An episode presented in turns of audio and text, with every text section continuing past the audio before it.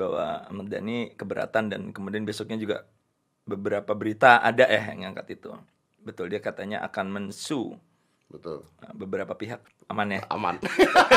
Anjing lu. Five, four, three, two, one with Ari Lasso. Di Corbusier, di Corbusier. Gue mau mulai dulu sesuatu boleh nggak? Boleh dong. Ari Lasso perkenalkan, kalau saat ini sekalian Menteri Lingkungan Hidup. Anjir. enggak, enggak jangan dong. Iya, iya, iya. Gila ya. Sesuatu yang begitu mudah sekali viral. Lu aja sampai tahu gitu. Tapi Apa? kenapa gilanya kenapa?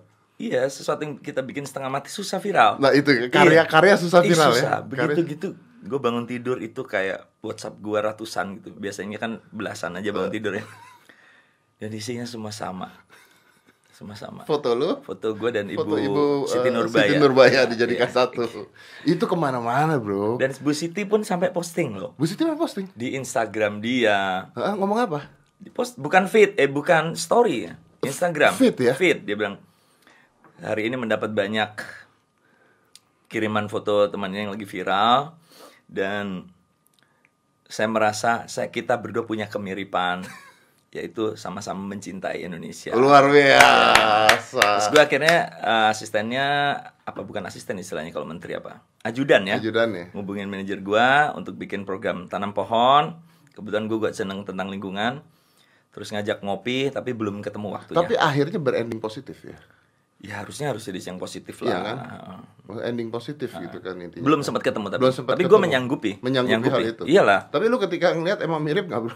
Kalau gue lihat ya gara-gara rambut sama kacamata sebenarnya. Mungkin tapi kalau di foto itu sebenarnya nggak mirip sebenarnya. Emang ya. ada yang mirip? Mungkin ada yang lebih mirip maksud gue. Oh, iya. mirip ibu gua sih memang. Jadi mungkin tata rambut dan mukanya gue juga bulat ya. Gue bulat dan gue tidak kurus cekung kayak lo gitu. Jadi Gue rambutnya cabi, rambut gue belahannya sama loh, potongannya sama. Berkacamata ya, nggak apa-apa. respon lu gimana? Ih ketawa, ketawanya lebih ke analisa gitu.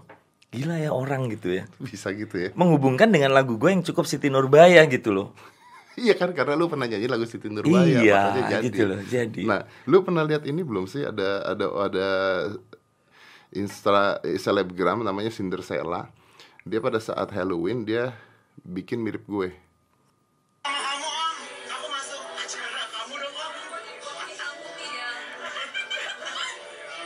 Ini zaman-zaman lu masih jadi pesulap Iya, ya? iya.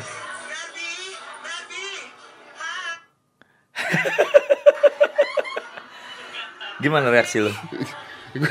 gue ketawa karena karena karena gila ini eh, apa namanya effort gitu. Tapi gue sih suka, gue sih suka. Ya berarti kan lu kuat gitu. Nah itu dia. Gue tuh kemarin sebenarnya ini, ini lucu sih. Teman kita Mbak Meli Guslo Heeh. kan sempat ribut tuh kemarin. Tuh. Gua kemarin sempat ngobrol sama uh, Mas Santo Hut ya. Karena emang teman gue juga rumahnya Di sini Iya, kan, di- rumahnya di Bintaro. sini, Kita geng Bintaro semua. Benar, kita geng Bintaro gitu. Eh kalau menurut lu gimana? Iya, setiap orang, terutama Meli, Meli juga sangat deket dengan gua. Betul. Itu kan punya masing-masing orang punya batasan sendiri-sendiri. Hmm. Jadi Meli pun juga gua rasa berhak begitu. Berhak begitu karena dia penerimaannya yang dimaksud teman-teman sih gue yakin tidak jahat yang Betul. yang itu. Tapi juga setiap orang juga punya reaksi yang tentunya Nah berbeda-beda. itu dia Ya, makanya. Karena gue yakin pada saat itu terjadi ya orang ketawa ke TV. Ini juga orang ketawa ke TV. Eh, Menurut gua orang ketawa-ketawa di sana bukan ngetawain Meli Guslo sebenarnya. Ngetawain si siapa namanya Buba atau siapa itu segala kan. Iya. Terus ketika ngatain juga ngatainnya bukan Meli Guslo, ngatain eh, orang tersebut gitu. Cuman kan akhirnya jadi gede dan jadi panjang banget itu masalah. gitu kan. Masalahnya gue juga kenal Melinya juga gitu, gue kenal BCL-nya juga gitu kan. Jadi eh, kalau orang nanya sama gue pendapat gue agak bingung juga untuk memberikan memberikan pendapat. Tapi nih, tapi nih, tapi nih bro, nih makanya kita diskusi ya. Oh iya, lu karena tadi gue nyambung, gue disamain sama ini gitu-gitu iya, ya. ya kan nyambung banget kan. Iya, iya. Jadi kita diskusi. Eh sebenarnya eh gue sempat nonton videonya Meli Guslo-nya juga. Gue sempat ngobrol sama Anto Hutnya juga. Hmm. Gue nelfon, eh, Anto Hut nelfon gue, tapi urusan beda, urusan beda. Gue nanya sebenarnya masalahnya kenapa? Nah yang jadi masalah adalah menurut dia di, eh, itu acara acara Halloween, which is eh, konotasinya adalah setan. Oh, Gitu. iya, iya. Eh, terus itu berhijab, Oke. berhijab. Nah, udah gitu terus juga katanya eh, diledek-ledekin, ketawa ketiwi dan sebagainya. Bahkan katanya ada body shaming dan sebagainya. Gue juga nggak ngerti. Oh, oke. Nah, eh, tapi gue bilang tapi kan sebenarnya itu kadang-kadang orang meniru orang untuk menyanjung orang menurut gue begitu gitu. Sometimes kayak karikatur orang bikin karikatur Ari Lasso pasti bentuk mukanya hancur. Hmm. Tapi that's the point of karikatur di Halloween juga seperti itu. Nah, terus di videonya eh, Melly Guslo sendiri ada kata-kata bahwa eh, kenapa ini begini jadi lucu-lucuan. Coba coba maksudnya gini, coba eh, berani nggak coba pakai UAS atau nggak umi pipi atau nggak jadi pastur atau nggak jadi uskup. Nah, kalau ini gua nggak setuju karena yang disebutkan Meli adalah tokoh agama dan agama sensitif. Tapi kan artinya Meli Guslo juga sesensitif itu ketika itu terjadi. Itu dia makanya garis bawahnya gini, Dad. Gue tuh selalu menghargai privasi orang. Oke. Privasi reaksi orang gitu ya. Jadi ya gue rasa Meli berhak juga bilang gitu. Kalau dia nggak nggak suka. Mungkin justru karena dia mengenal orang-orang itu kita coba pakai psikologi yang terbalik. Hmm, Ya. Gue kan yang ngeposting ini gue nggak kenal. betul. Mm-mm. Mungkin justru karena Meli itu yang mengunggah dan yang dalam tanda petik tertawa saat itu justru orang-orang yang dia, Dia kenal, kenal. dekat mungkin justru mungkin dia tersinggung tapi yang jelas gini ya banyak hal-hal yang pelajaran dari hal kayak gini ya terutama dari kasusnya Meli bahwa ya kita mesti hati-hati sih memang di era sekarang gitu. Karena ada ketersinggungan itu bisa terjadi dan Bisa itu fakta, terjadi. iya itu bisa terjadi. Cuman gue tuh pengen banget ngobrol sama Kang eh, Antonya juga sama Meli Guslo-nya nih. One day maybe akan ke sini gitu ya. Karena di Meli Guslo mengatakan kecuali ini konsepnya adalah komedi. Misalnya ada acara komedi itu lebih lumrah gitu walaupun nggak suka tapi beritanya keluar bahwa Meli Guslo pun pernah bete gara-gara nunung di acara komedi berekspresi menjadi Meli Guslo Wah nggak tahu gua. itu keluar tahu, beritanya nggak tahu gua nggak tahu. jadi mungkin memang beliau tidak suka kalau dirinya ditirukan. Bahkan di acara komedi pun pernah kejadian dan pernah marah. Sama lu itu acara nunung. Enggak, itu keluar di berita mana-mana. Oh gitu Gitu. gitu. ya. Nah, ini kan artinya semua orang punya rasa sensitif yang berbeda-beda kan. Mungkin itu kesimpulannya. Ya mungkin setiap manusia, setiap orang punya standar sensitif yang berbeda ya. Hmm. Dan itu sah-sah saja. Sah, sah, aja. aja. Makanya eh, ketika orang mau melakukan itu harus kenal dulu dengan orangnya atau tahu pribadinya gitu ya. Ya orang tetap bebas melakukan itu. Tapi reaksi yang kita harapkan dari si subjek Tidak pernah tahu. tidak pernah tahu. Oke. Oke. Gue tidak bisa melarang orang menirukan gue. Tapi ya reaksi dari gue ya itu gue yang punya hak. Ya, ya, ya. Terganggu apa tidak. Terganggu apa tidaknya hak lu gitu ya. Aman ya? Aman. Anjing lu. ya. Sama masih ketemu nggak? Ketemu gue besuk dia, gue besuk dia. Nyalonin wali kota bener? Yang gue baca terakhir kemarin gue naik pesawat ke Surabaya dua hari lalu, Jawa Pos menulis itu katanya dia lagi ambil nomor apa ya nomor pendaftaran kalau nggak salah. Hmm. Iya kan? Mm-mm. Tapi kalau ngomong sensitif keluar berita baru katanya Ahmad Dhani akan ngesu semua orang yang menyanyikan lagu dia. Gue kemarin dapat info ketika break lagu kesekian, eh, segmen kesekian waktu konser kemarin bahwa Ahmad Dhani keberatan dan kemudian besoknya juga beberapa berita ada eh yang ngangkat itu. Betul dia katanya akan mensu Betul. Nah, beberapa pihak gue masih belum tahu beberapa pihak karena gue belum ketemu dia lagi. Hmm. Yang gue baca pengacaranya yang ngomong kalau nggak salah Iya. Endar Sam, gue kenal juga sih. Atau gue nanya Endar Sam mungkin nanti. Tapi termasuk lu dong berarti. Rasanya nggak kalau gue. Lu lu nyanyiin lagu. Karena lagu itu kan gini hukum eh, tentang performing rate itu adalah penyelenggara. Mm-mm. penyelenggara, Mm-mm. bukan penyanyinya. Apalagi lagu itu memang aslinya gue yang nyanyi kan, Dad. Oh iya, Ah, benar. ah, Iya. kan lagu itu yang aslinya. Oh iya ya. Dan ada beberapa lagu kayak Oh enggak, eh, pada saat itu tuh lagunya lu, lu yang nyanyi ya. Jadi lu nggak bawa lagu mereka yang bukan lu yang nyanyi. ya? bukan, bukan. Oh lu aman dong. Mestinya aman dan lagi ada beberapa lagu yang liriknya gue ikut tulis juga. Oh ya aman dong Mm-mm. lu nya. Ya, TV-nya gitu. kena. Mungkin, mungkin. Tapi sebenarnya begitu nggak sih? Ada aturannya deh sebenarnya. Ada aturan. Ada aturannya. Jadi memang itu tugas LMKN, Lembaga Manajemen Kolektif Nasional.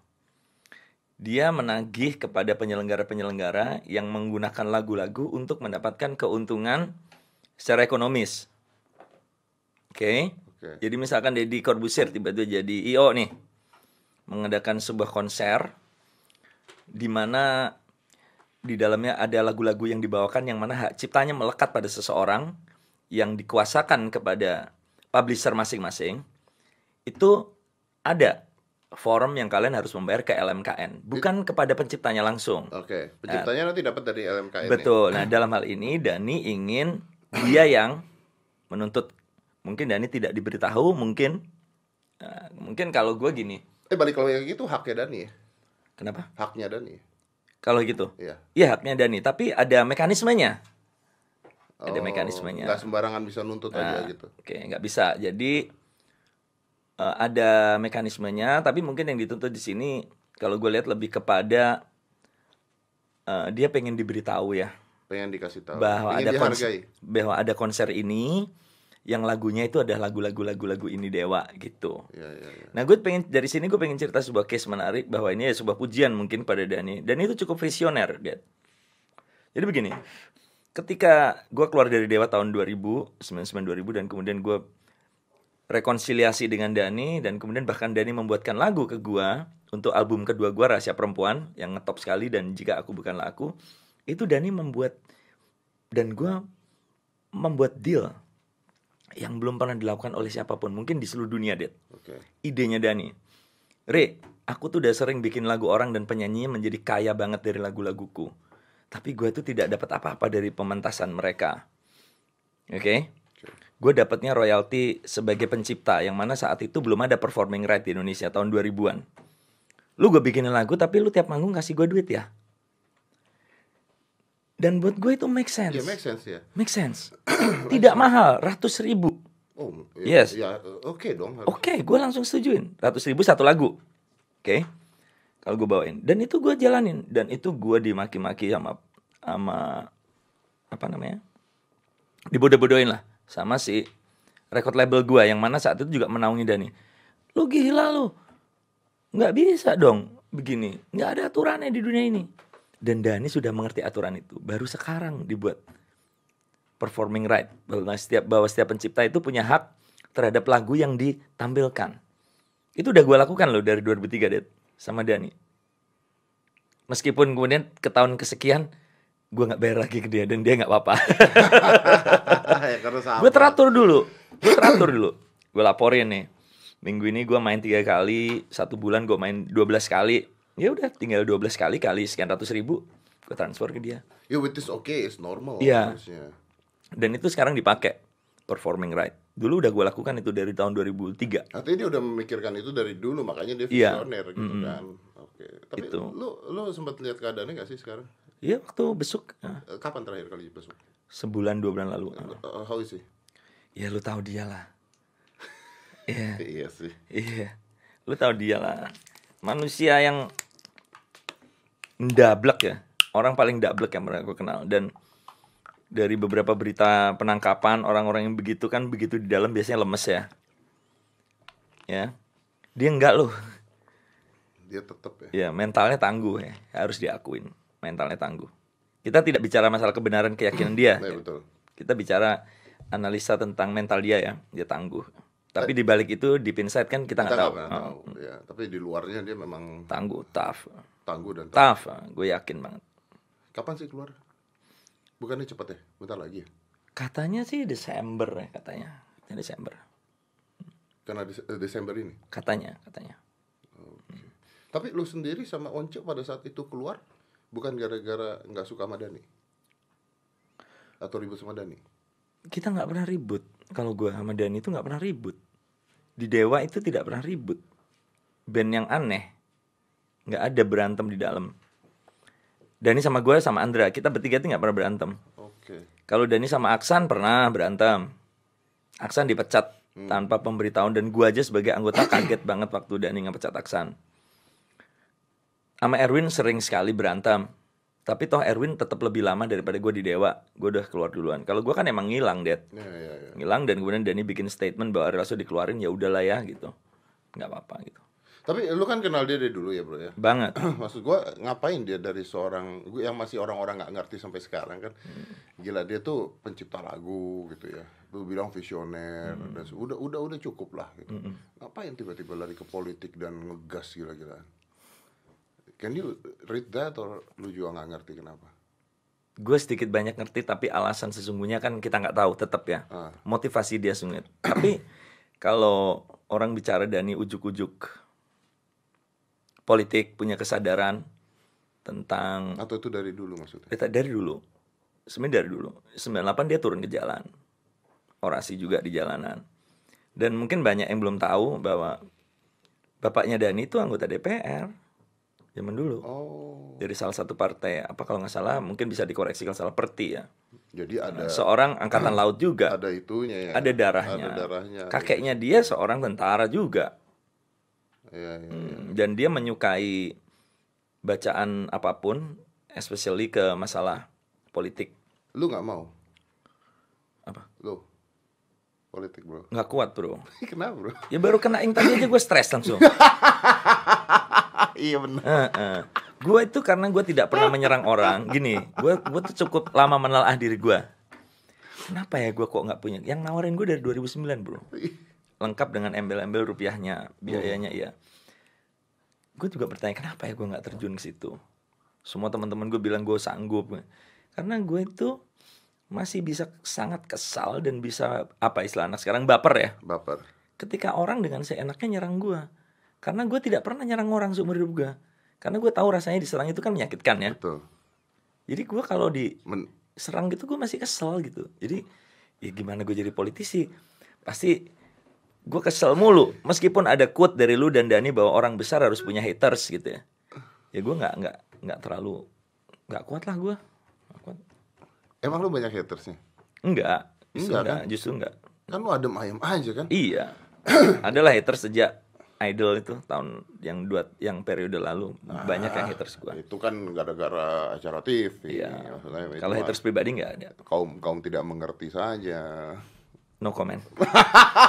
Dia mainnya aman loh. Iyalah. Dia mainnya Politisi banget padahal ya. Iya, cocok jadi politisi kan. Tanyain apa? Maaf bukan urusan saya, gitu kan. Maaf, no comment gitu kan. Lu cocok lu jadi politisi lu. Enggak, enggak, Serius. enggak cocok. Enggak cocok. Cocok, Bro. Enggak. Tampang-tampang lu tuh adem-adem gitu. Adem-adem tapi Adem-adem tapi nyakitin. ngolah. enggak, enggak. Cocok. Mungkin cocok tapi gua males, Dit. Tapi will you, siapa tahu Oh, satu, saat- lagi. Nah, Satu lagi. Kenapa gua males? Gue seumur hidup nggak pernah makan dibiayai oleh negara, oleh rakyat. Gue nggak pernah. Ya udah.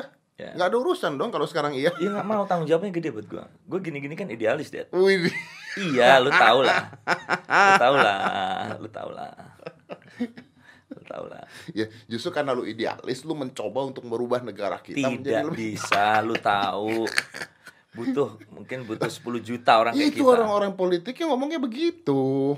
Itu kan Apa ya? Bohong. narasi gitu loh. Bohong maksud lu. Politik itu kan is about dealing, about apa namanya? Lobby-lobby tentang apa? Tukar menukar. Gitu. Tapi gue ya sempat ngobrol sama Sandiaga Uno di podcast ini. Hmm, ya gue nonton, gue nonton lah. Gue nembak dia kan, bro, politik kan kotor. Hmm. Dia mengiyakan. Iya, iya. Dia mengatakan iya, makanya diam, di- dari semua yang kotor itu diambil yang paling bersihnya. Gitu. Tapi dia mengiyakan bahwa memang kotor politik Hmm. Iya, itu memang kotor kan. Eh, tapi ya nggak politik juga, Istilahnya bisnis, every mm, business kotor, menghalalkan kan. segala cara gitu loh ya. Iya. Nah, ada cara-cara gitu. Dunia bisnis bisa dibilang juga, tapi kan bisnis tidak tidak identik dengan kekuasaan ya. Keuntungan lah persaingan bisnis itu kan lebih diatur lagi, ada undang-undang persaingan bisnisnya segala macam. Tidak semua kalau orang jualan rokok doang kan Iya. nggak ada kejahatan gitu. Jadi lu nggak akan pernah terjun ke politik atau we don't know. We don't know. Oh, Tapi kalau sampai 5 10 tahun ke depan kayaknya enggak ya, enggak, enggak sanggup ya. lima sepuluh tahun ke depan nggak? Gini, gue kemarin ngobrol sama Giring juga. Ah. Gue ini belum pernah bergulat di dalam sebuah tukar pikiran ide yang sampai benar-benar keras, terlatih itu menguasai suatu materi dan kemudian mengegolinnya dalam sebuah organisasi yang tidak gue pimpin. Kalau kita masuk partai kan kita dipimpin seorang. Betul. Dan kemudian di situ kita bertukar ide, ngobrol segala macam berantem. Gue belum pernah melakukan itu. Itulah kritik gue ke Giring. Kalau lu udah melakukan itu lima tahun, 10 tahun, mungkin lu akan siap. Nah, gue ini belum pernah melakukan itu. Jadi gue belum punya modal. Tapi kalau mulai detik ini, gue mulai bergaul ke organisasi, bergaul ke sebuah partai itu mungkin gue akan terjun. Tapi ke sana kayaknya, aduh, memulainya susah. Waktu, ya, susah. Intinya mah lu maunya main aman dan nyaman gitu ya. Ya, hidup ini buat apa sih, Dad? Iya benar. Ya kayak lu, apa-apa lu kerjain. Tapi nggak di politik. Kenapa lu nggak di politik? Sekarang, ayo.